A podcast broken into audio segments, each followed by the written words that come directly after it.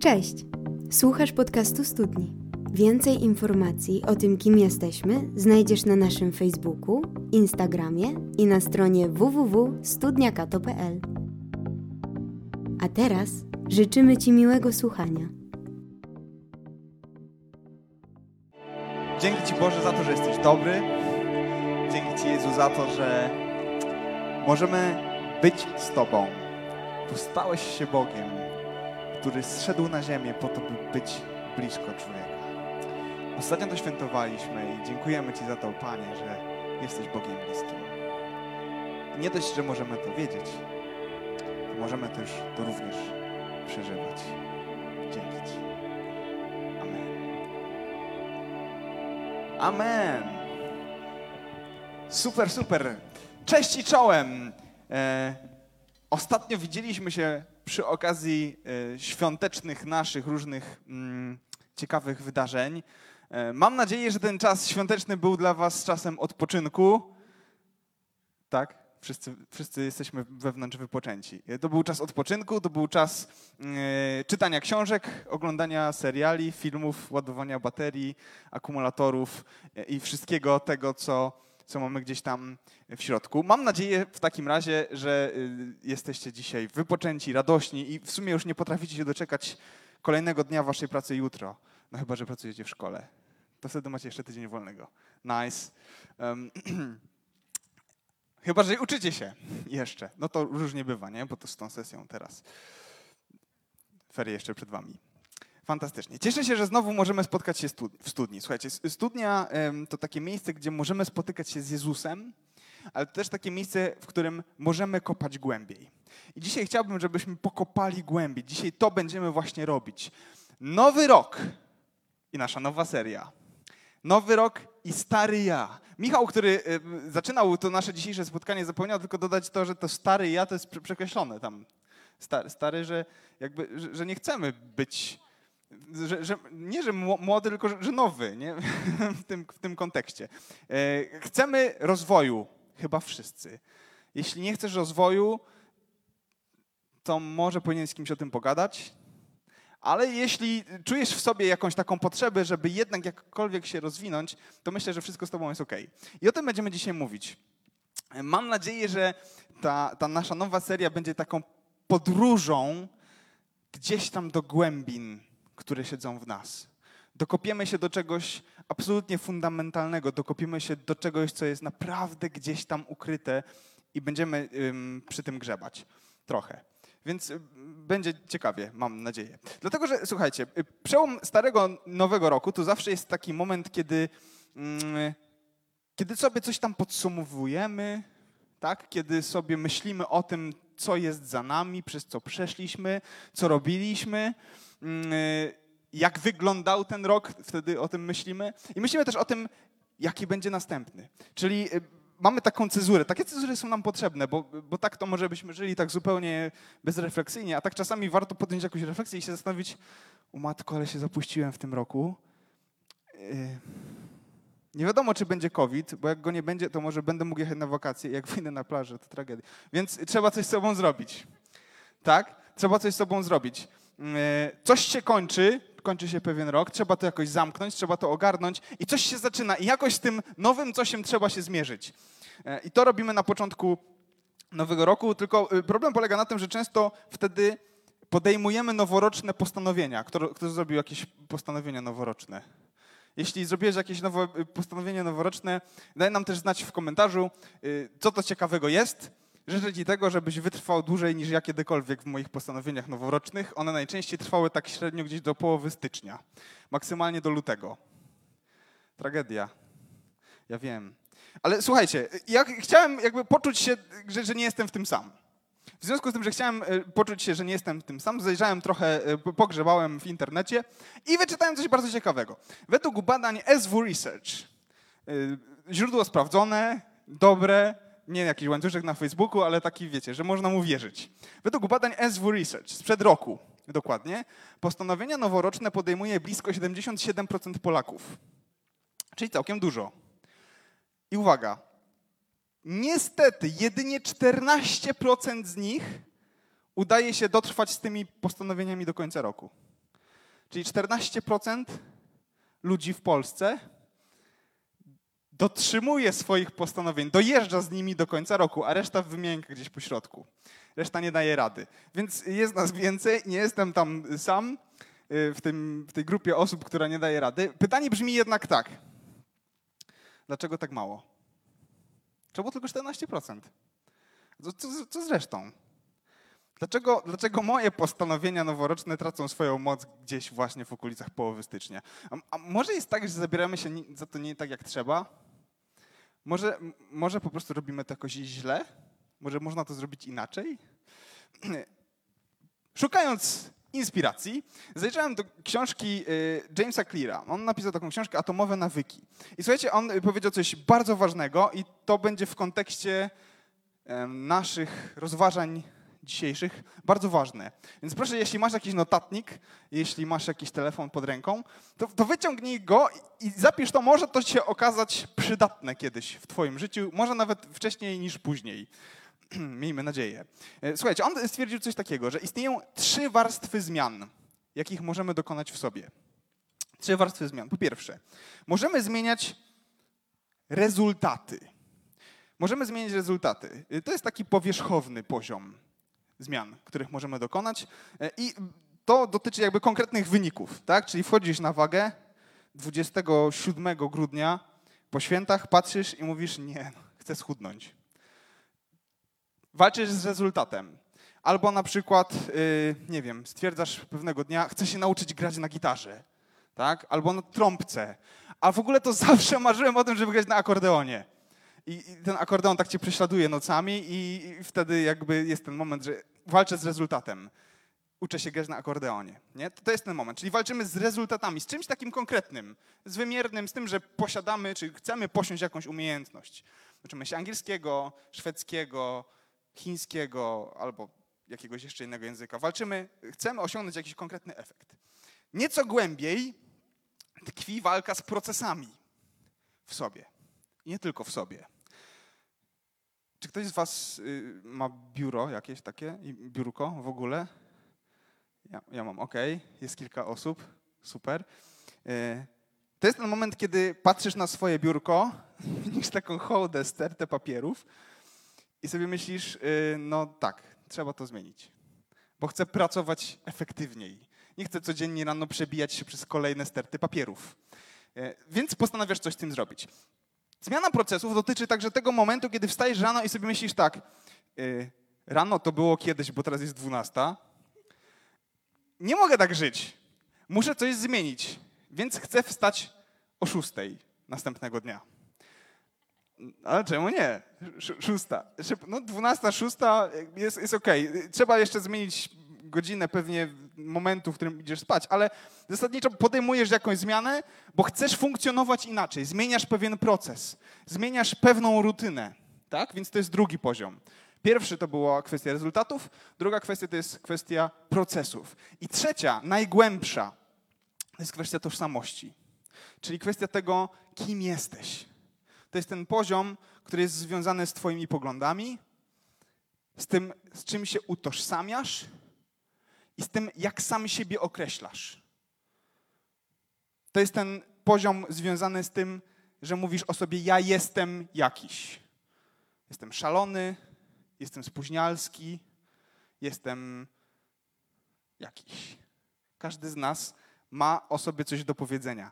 Myślisz o sobie zapewne w jakiś taki sposób, że jesteś jakimś. No to właśnie to jest ten najgłębszy poziom, poziom tożsamości. I wiecie, te nasze próby zmiany, te nasze postanowienia noworoczne, często one jakby padają dość szybko, bo zabieramy się od tej strony powierzchownej za zmianę siebie. Chcemy zmienić po prostu tylko jakiś efekt. Czasami, idąc trochę głębiej, próbujemy zmienić proces, ale jeśli chcemy trwałej zmiany, to musimy zmienić nie tylko to, co robimy, ale to, jak o sobie myślimy i od tego zacząć. Jeśli myślisz o sobie w jakiejś kwestii, czy na przykład wstajesz pewnego ranka i stwierdzasz, od dziś jestem wege. Od dziś jestem wege.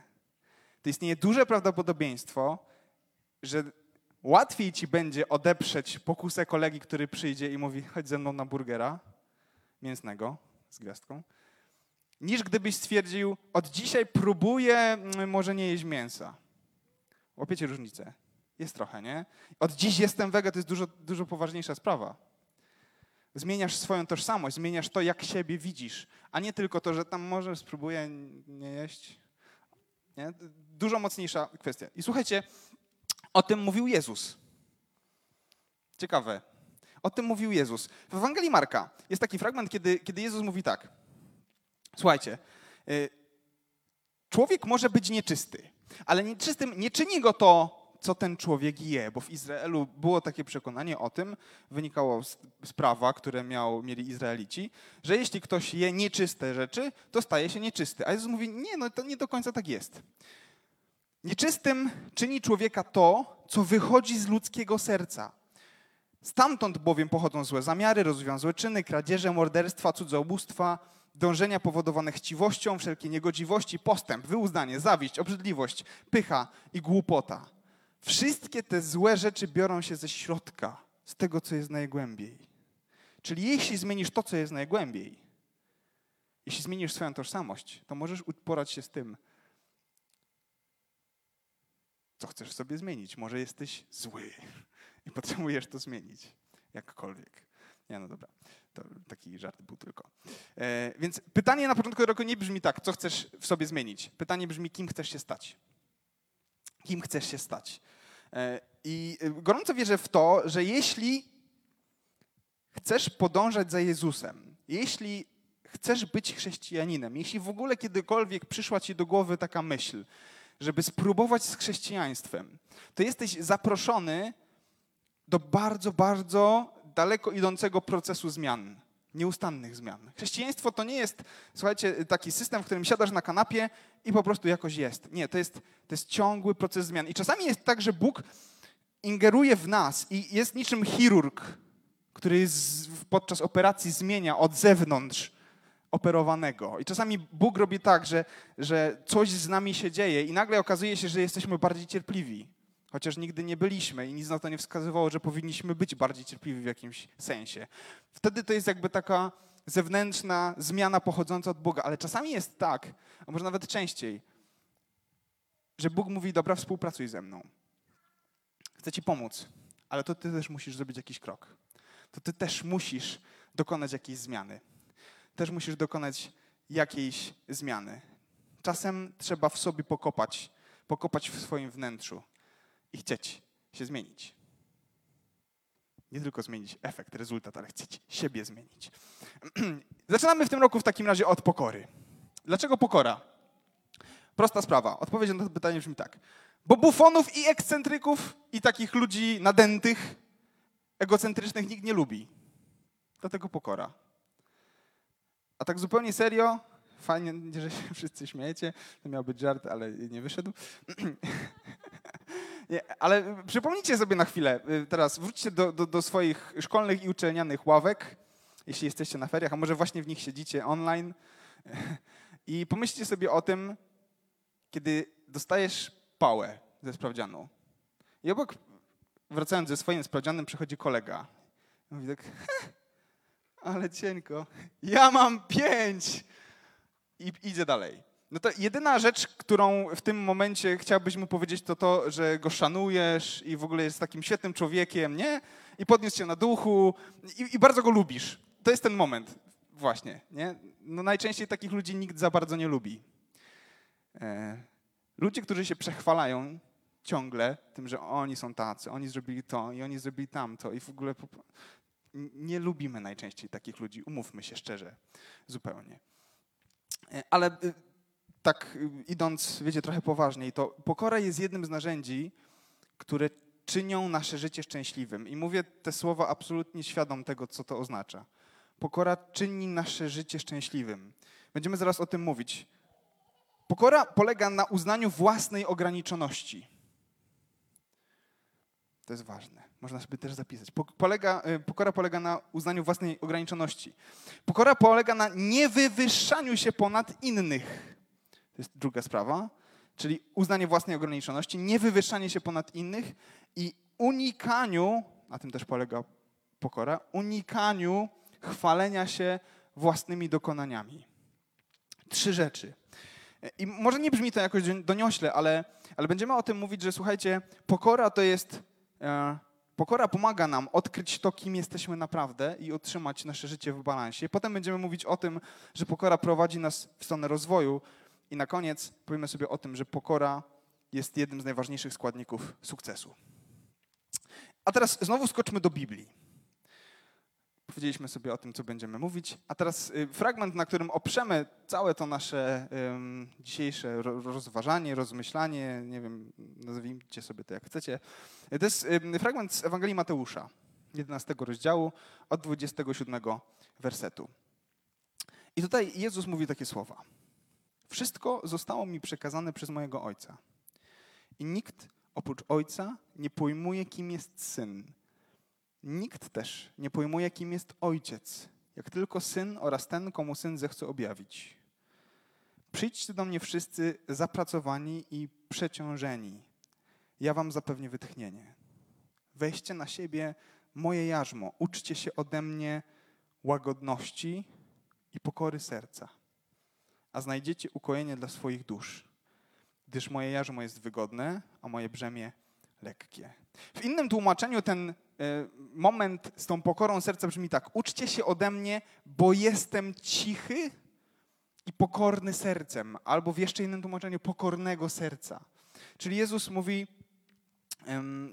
dwie rzeczy nas tutaj będą interesować z tego, co, co Jezus mówi. Jezus mówi przede wszystkim tak: Jestem pokornego serca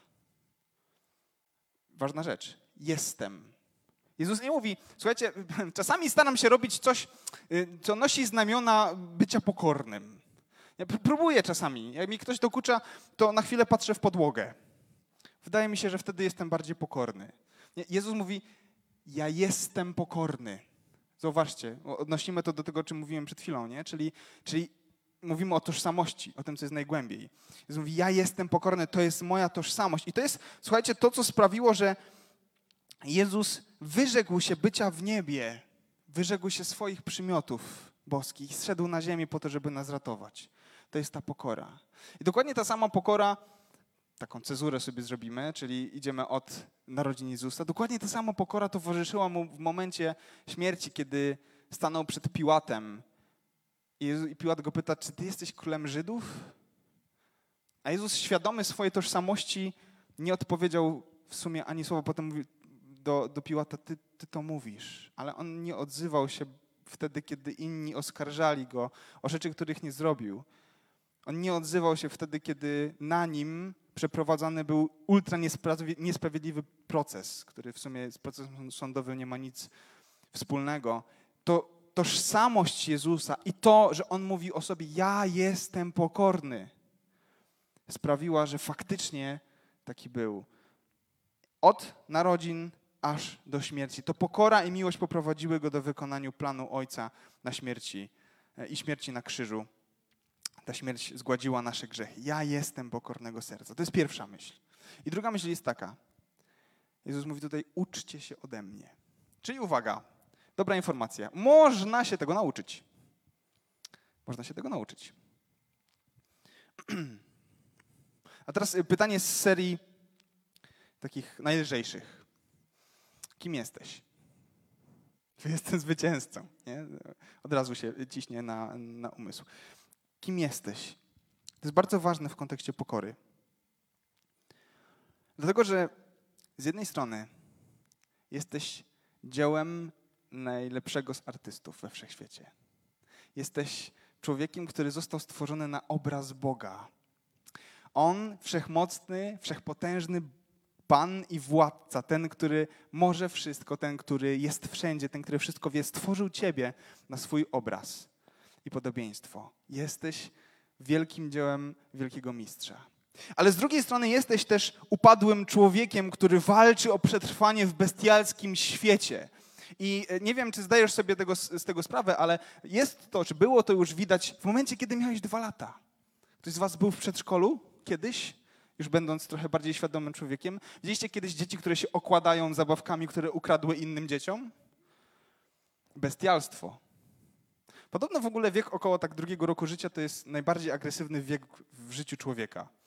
E, więc jesteśmy, słuchajcie, już to widać od najmłodszych lat. Jesteśmy, żyjemy w bestialskim świecie i próbujemy jakoś przetrwać. I, I z jednej strony jesteśmy czymś pięknym, jesteśmy piękni, jesteśmy fantastyczni. Posłodzimy chwilę. Jesteśmy wspaniali. Jesteście wspaniali. Ale z drugiej strony jesteście bestiami. Sorry, to jest bardzo może mocne, ale e, jesteście egoistami. Jesteśmy egoistami wszyscy. Wszyscy jesteśmy egoistami. Czy ktoś z was kiedyś przyszedł do mamy i powiedział jej, mamusiu, tylko dlatego, że chciał coś uzyskać? Taki, taki skrajny pragmatyzm, nie? Nie mówię mamusiu, dlatego że chcę jej powiedzieć, że ją kocham. Mówię mamusiu, żeby dostać piątaka na loda. Dramat. Manipuluje moją mamą. Kimże ja jestem? Na pewno nie nikim dobrym. Wiecie, z jednej strony czasami jesteśmy skłonni do tego, często może nawet jesteśmy skłonni do tego, żeby okazywać ludziom uczucia, żeby okazywać im miłość, żeby okazywać im współczucie, żeby okazywać im to, co dobre, ale z drugiej strony zadajemy innym rany. Z drugiej strony manipulujemy innymi. Z drugiej strony wywołujemy w nich ból i wiemy doskonale o tym, że to robimy, a wciąż to robimy. Dramat. Z jednej strony jesteśmy zdolni do fantastycznych i wzniosłych rzeczy, ale z drugiej strony jesteśmy zdolni do tego, co złe. I stoimy w takim rozkroku całe życie pomiędzy tym, co dobre, a tym, co złe. Pomiędzy tym, co dobre w nas i tym, co złe w nas. Całe życie w takiej dychotomii. Z jednej strony chcemy dobra swoich bliskich, a z drugiej strony ich ranimy. Z jednej strony jesteśmy zdolni do miłości, ale z drugiej strony jesteśmy zdolni do nienawiści.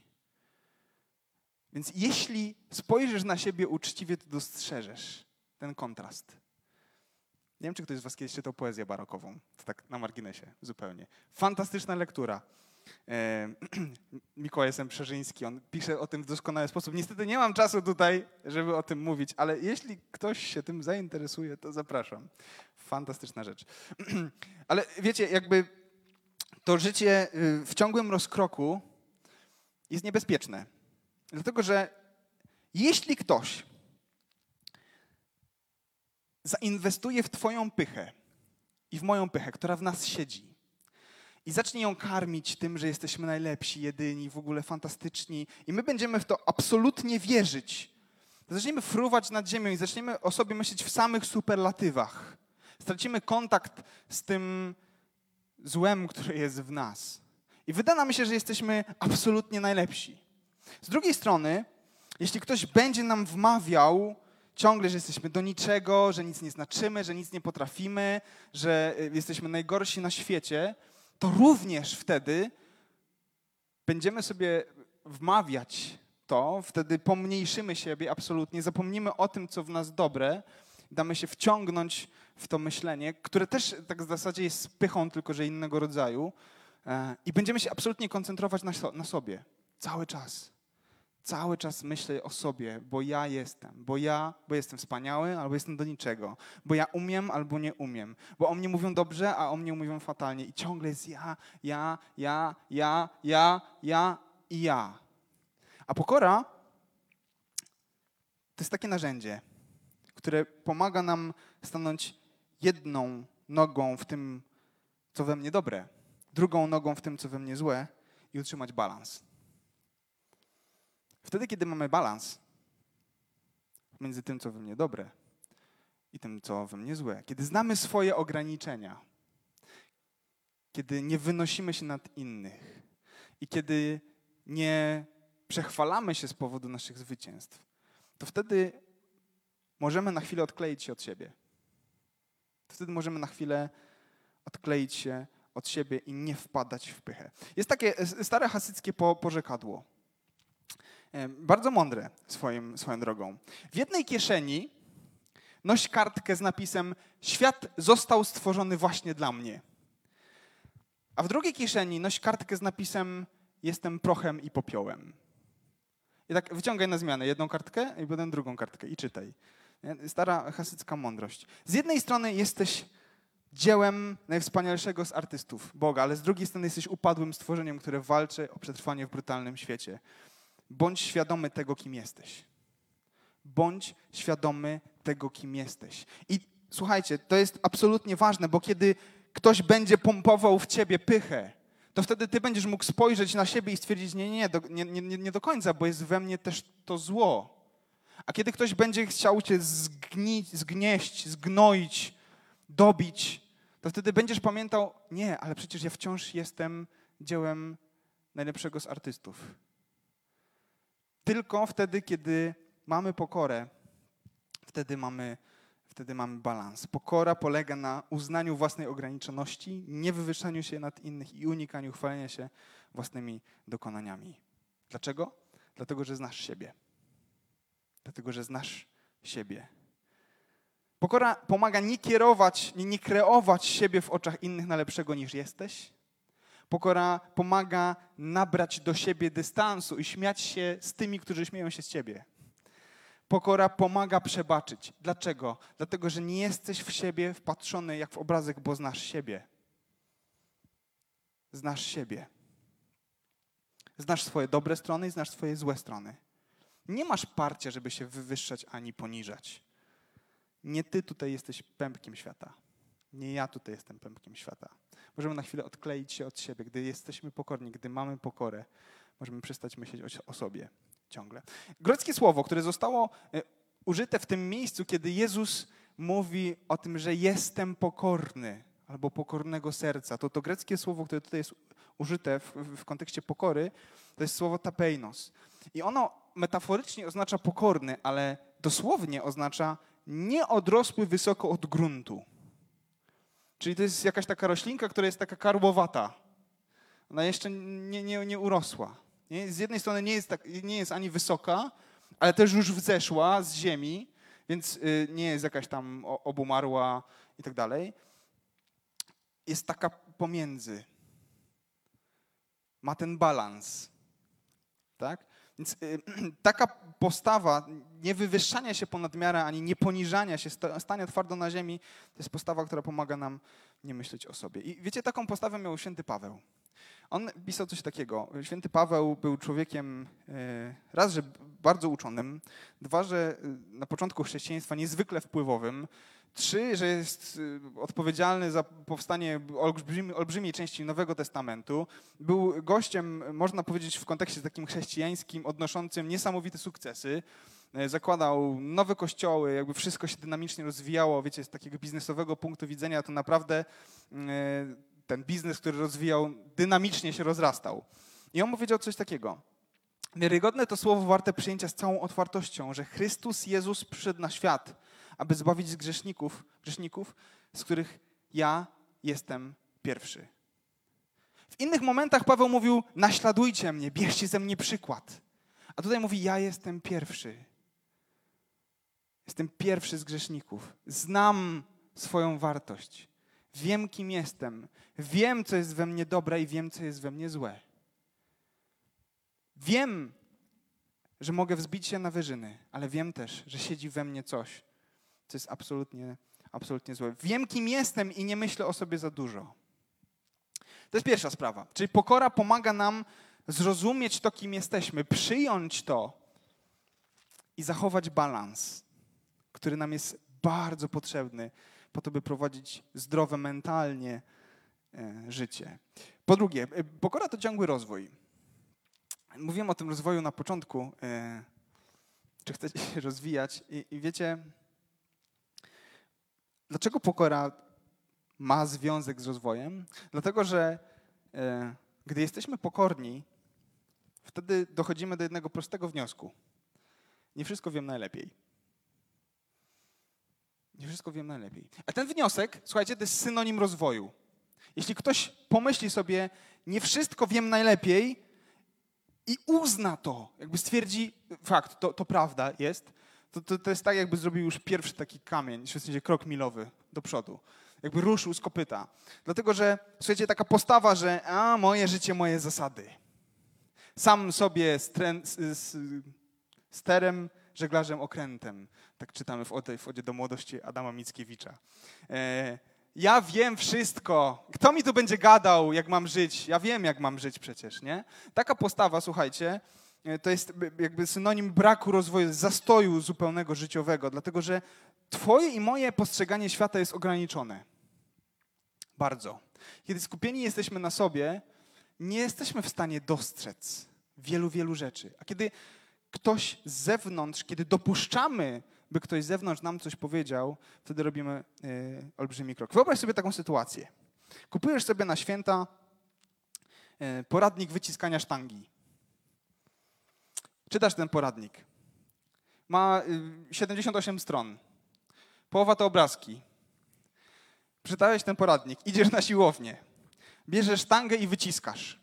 I myślisz o sobie, wow, jestem ekspertem od wyciskania sztangi. Przeczytałem jedną 78-stronicową książkę, w której połowa to obrazki.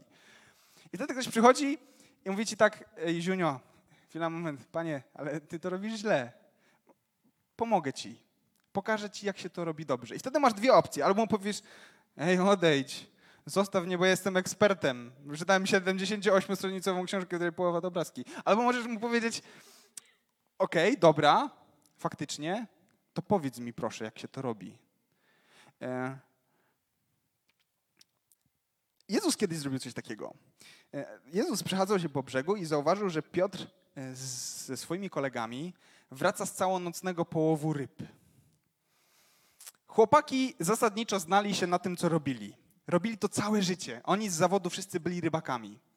Całe życie pływali po małym jeziorze galilejskim, które jest naprawdę niewielkim akwenem. E, i łowili tam ryby przez x lat. Jezus, uwaga, uczył się skręcać stołki, robić stoły i tego typu rzeczy. Był cieślą. I kiedy oni przypływają do brzegu, wtedy Jezus im mówi, chłopaki, płyńcie na środek i tam zarzućcie sieci. Ich szefu, czyli Piotr, mógłby powiedzieć, nie no, sorry, ale ja tu jestem rybakiem, nie? ty skręcasz stołki. Jakby powiedzmy sobie szczerze, kto ma jakie kompetencje. Tak? Ale Piotr mówi, no nie, no całą noc nic nie złowiliśmy, ale na twoje słowo zrobię to. Wypływają na środek jeziora i kiedy próbują wyciągnąć te ryby, które nałapały im się w sieci, to nie są w stanie tego zrobić. Piotr dał sobie coś powiedzieć. I że to pokora pomaga nam odkleić się od siebie przestać myśleć, że ja wszystko wiem najlepiej i zrozumieć, że ktoś może powiedzieć mi coś, co mnie rozwinie.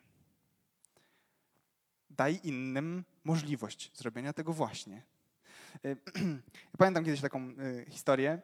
Jechaliśmy na pewien obóz młodzieżowy z moimi znajomymi. Ja wtedy byłem dość młodym człowiekiem. Miałem takie przekonanie, że wszystko wiem najlepiej. Wydawało mi się, że znam Boga, że czytam Biblię i znam ją na wylot i ja wszystkim mogę mówić, jak mają żyć dookoła. I pamiętam, jechaliśmy pociągiem i ja wtedy zwołałem koleżanki, z którymi jechaliśmy i powiedziałem im e, różne ciekawe rzeczy. Powiedziałem, macie robić tak, jak ja wam mówię, że macie robić, macie się ubierać tak, jak ja wam mówię, że macie się ubierać. Nie wiemy, co tam zastaniemy, nie wiemy, kim są ci ludzie, ale ja wam powiem, co wy macie robić. Taki byłem mądry. Fantastycznie nic sobie nie zrobiły z tego, co ja im powiedziałem wtedy. Kompletnie, miałem mnie w nosie. I przyjechaliśmy na, tam, na ten obóz i okazało się, że ludzie, którzy są na tym obozie, są kompletnie różni niż ja miałem pojęcie, że powinni być chrześcijanie. Kompletnie różni. Ja miałem taką wizję trochę amiszowską, wiecie, y, wysoko zapięta koszula, raczej garnitur, Biblia pod pachą, spokój a to byli zupełnie inni ludzie. Nie, nieważne, nie, wchodź, nie wchodźmy w to jacy. Ale ja, słuchajcie, byłem przez tydzień w ogóle chodziłem wściekły. Mówię sobie, gdzie ja jestem? To jest koszmarne miejsce, tu nie chcę być. Weźcie mnie stąd. Sodoma i Gomora. Tragedia, co tu się dzieje w ogóle, nie? I, yy, i zacząłem spotykać się z ludźmi, którzy byli yy, tam na tym obozie. Notabene yy, część z nich to moi przyjaciele dzisiaj. Słuchajcie, to był moment, kiedy, kiedy coś się we mnie zmieniło. To, to był moment, kiedy moje chrześcijaństwo, moje postrzeganie w ogóle rzeczywistości drgnęło. Dlatego, że zrozumiałem, że to, to nie do końca jest tak, że ja wszystko wiem najlepiej. Bo w tej mojej wąskiej wizji nie mieści się wiele rzeczy, które mają miejsce i które mieszczą się w tej szerszej wizji Boga. Więc ważne jest to, żebyśmy dali sobie coś powiedzieć. Potrzebujesz innego zdania, innych ludzi po to, żeby się e, rozwijać. Wiecie, jakby na tym, na tym moim przykładzie, mm, tak sobie myślę czasami, że my chrześcijanie, i mówię to jakby też z pełną odpowiedzialnością, czasami nam się wydaje, że my wiemy wszystko najlepiej.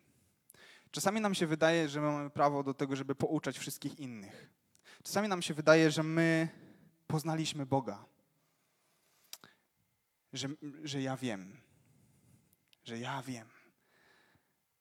Ja go znam. Że my wiemy, czego on chce. Że my wiemy, co jest dobre dla innych ludzi, a co nie. I y, stajemy się takimi jego ambasadorami, ale w takim kontekście, że wydaje nam się, że mamy legitymację do tego, by być jedynymi. I zapominamy czasami o tym, że pokora prowadzi nas do takiego wniosku, że jestem taki mały i tyle wiem. Albo prawie nic nie wiem. Okej, okay, spotkałem się z Bogiem w moim życiu. Okej, okay, doświadczyłem Jego działania. Ale to nie jest tak, że jak na rentgenie prześwietliłem Boga, znając wszystkie Jego ukryte sprawy, że, że już wszystko o Nim potrafię powiedzieć. Że objawienie mam w 100% pewne i, i pełne i nikt nie może mi nic powiedzieć, bo ja wiem. Bo ja wiem, jak powinno się modlić, ja wiem, jak się powinno śpiewać, ja wszystko wiem. A wy wszyscy inni nie wiecie i ja was tego nauczę, ja wam to powiem. Wiecie, y, to jest takie przeświadczenie pełne pychy często. Siedzi w nas często pycha. I mówię to jeśli nie jesteś chrześcijaninem e, i jeśli spotkałeś się z taką postawą, to chcę cię przeprosić. Bo to jest pycha. Nie wiemy wszystkiego najlepiej. Oczywiście, spotkaliśmy się z Bogiem w pewnym sensie, ale nie jest tak, że pozjadaliśmy wszystkie rozumy świata, chociaż czasem nam się tak wydaje. E, chrześcijaństwo jest tajemnicą, dlatego że Bóg jest tajemnicą. Nie jesteśmy w stanie go zrozumieć. Z tego rodzą się fundamentalizmy i ekstremizmy z przeświadczenia, że ja wiem na pewno i nikt inny nie będzie mi mówił, bo ja wiem, bo ja rozumiem. To prowadzi do wielu zranień, do cierpienia i do bólu. Bo wtedy z chrześcijaństwa tworzy się jakieś takie ekskluzywne grono dla super wtajemniczonych, którzy też akurat właśnie tak to wiedzą, jak ja wiem. Nie? To jest mega wykluczające i złe. Bóg jest tajemnicą bardzo ważne jest to, żeby, żeby to wiedzieć. Tomasz Halik w jednym ze swoich kazań powiedział kiedyś takie słowa. Największym grzechem w historii teologii jest wyobrażenie, że mówienie o Bogu jest łatwe. To lekkomyślność taniej pobożności otworzyła przestrzeń dla niezwykłej ilości naiwnych, komicznych, a także niebezpiecznie patologicznych wyobrażeń o Bogu. Czasami, kiedy tworzymy nasze małe, ciasne pudełka i zamykamy w nich Boga, to tworzymy Jego karykaturę jest niebezpieczne. Bo kiedy ludzie spotykają się z karykaturą Boga, to jest szansa, że na tyle się zrażą, że nigdy nie będą chcieli szukać prawdziwego Boga. Więc ważne jest to, żeby może zastanowić się nad tym, zamiast mówić, ja wszystko wiem, można powiedzieć, ciągle szukam. Jestem w drodze. Doświadczyłem Boga. Spotkałem Go, ale to nie jest tak, że wszystko o Nim wiem. Jestem w ciągłym procesie, poznaję prawdę, jeszcze nie wiem wszystkiego. To jest synonim rozwoju. Jeśli tak myślimy, to myślę, że pójdziemy dalej. Ostatnia z trzech myśli. Pokora to przepis na sukces. E, bez pokory nie przyjmiemy Bożego planu, który mamy dla siebie, to wynika, który Bóg ma dla nas, może tak, to wynika z tego, o czym mówiliśmy przed chwilą. E, jeśli ty, jeśli ja, którzy jesteśmy ograniczeni, znamy prawdę o sobie i patrzymy na siebie zupełnie szczerze, to jest to, o czym mówiliśmy przed chwilą, to wiemy, że potrzebujemy pomocy. Pokora jest przyznaniem się, że ja sam nie dam rady i że potrzebuję pomocy. A jeśli stwierdzisz, że potrzebuję pomocy i szukasz tej pomocy u Boga, to już wygrałeś. To już odniosłeś sukces. Jak rozumieć ten sukces? Matka Teresa z Kalkuty powiedziała takie y, świetne słowa. Bóg nie wymaga od nas, żebyśmy odnieśli sukces, tylko żebyśmy dochowali wierności. W chrześcijaństwie sukcesem jest po prostu dochowanie wierności Bogu. Uwaga, jeśli będziesz próbował dochować wierności Bogu sam, nie dasz rady. Ale kiedy spojrzysz naprawdę o sobie, to jest to, co mówiliśmy na początku, to stwierdzisz, że potrzebujesz pomocy. I tylko wtedy, kiedy pojawi się w tobie pokora, czyli znajomość swoich własnych ograniczeń, będziesz w stanie tę pomoc przyjąć. Jeśli wyruszysz w drogę za Bogiem o własnych siłach, nie dasz rady. Ale kiedy przyjmiesz Jego pomoc, to wtedy możesz osiągnąć sukces, którym jest wytrwałość, wytrwanie. E,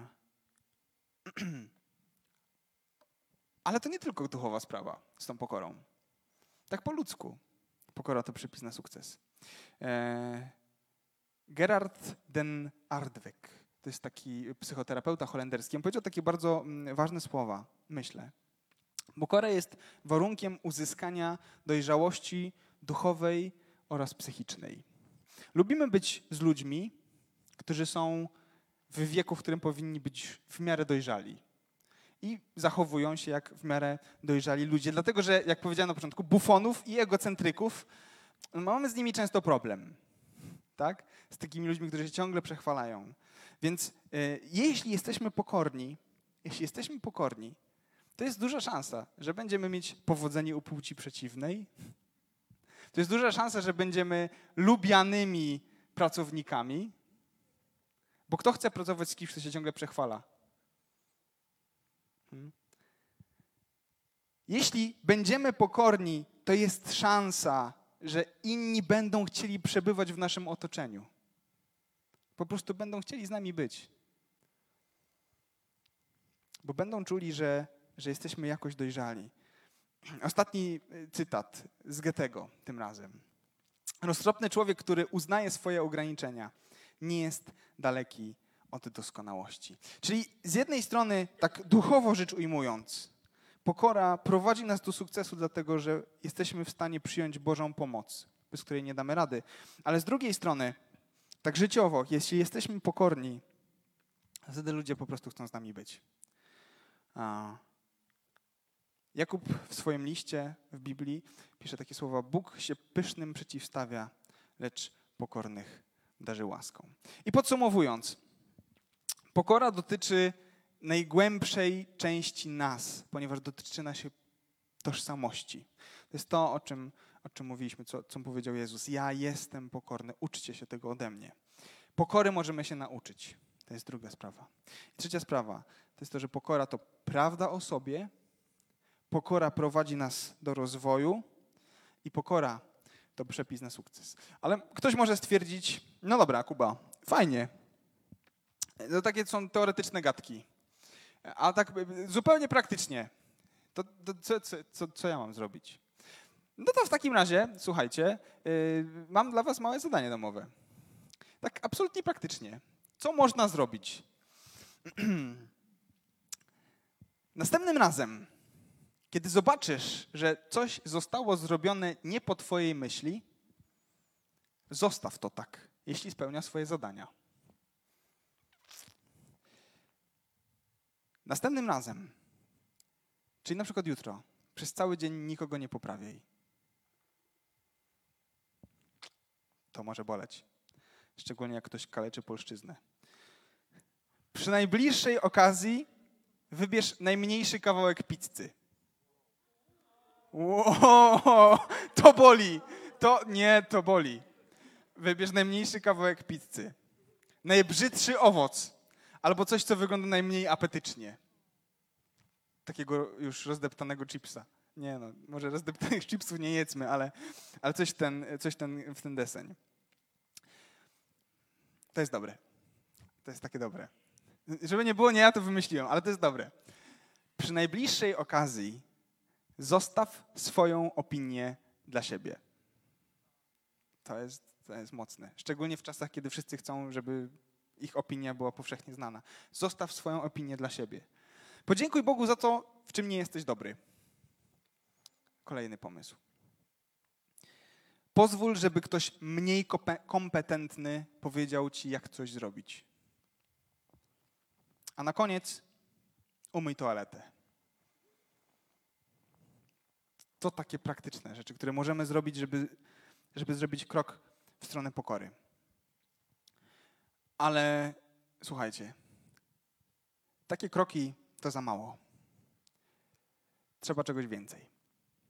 Trzeba podjąć decyzję o tym, że się chce być kimś innym.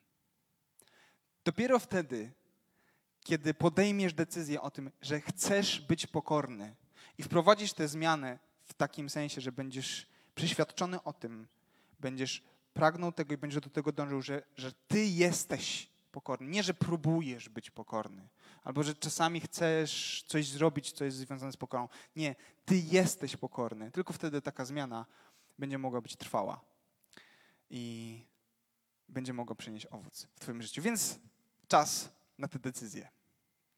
Podejmij decyzję. Zachęcam Cię do tego. Chcę być pokorny.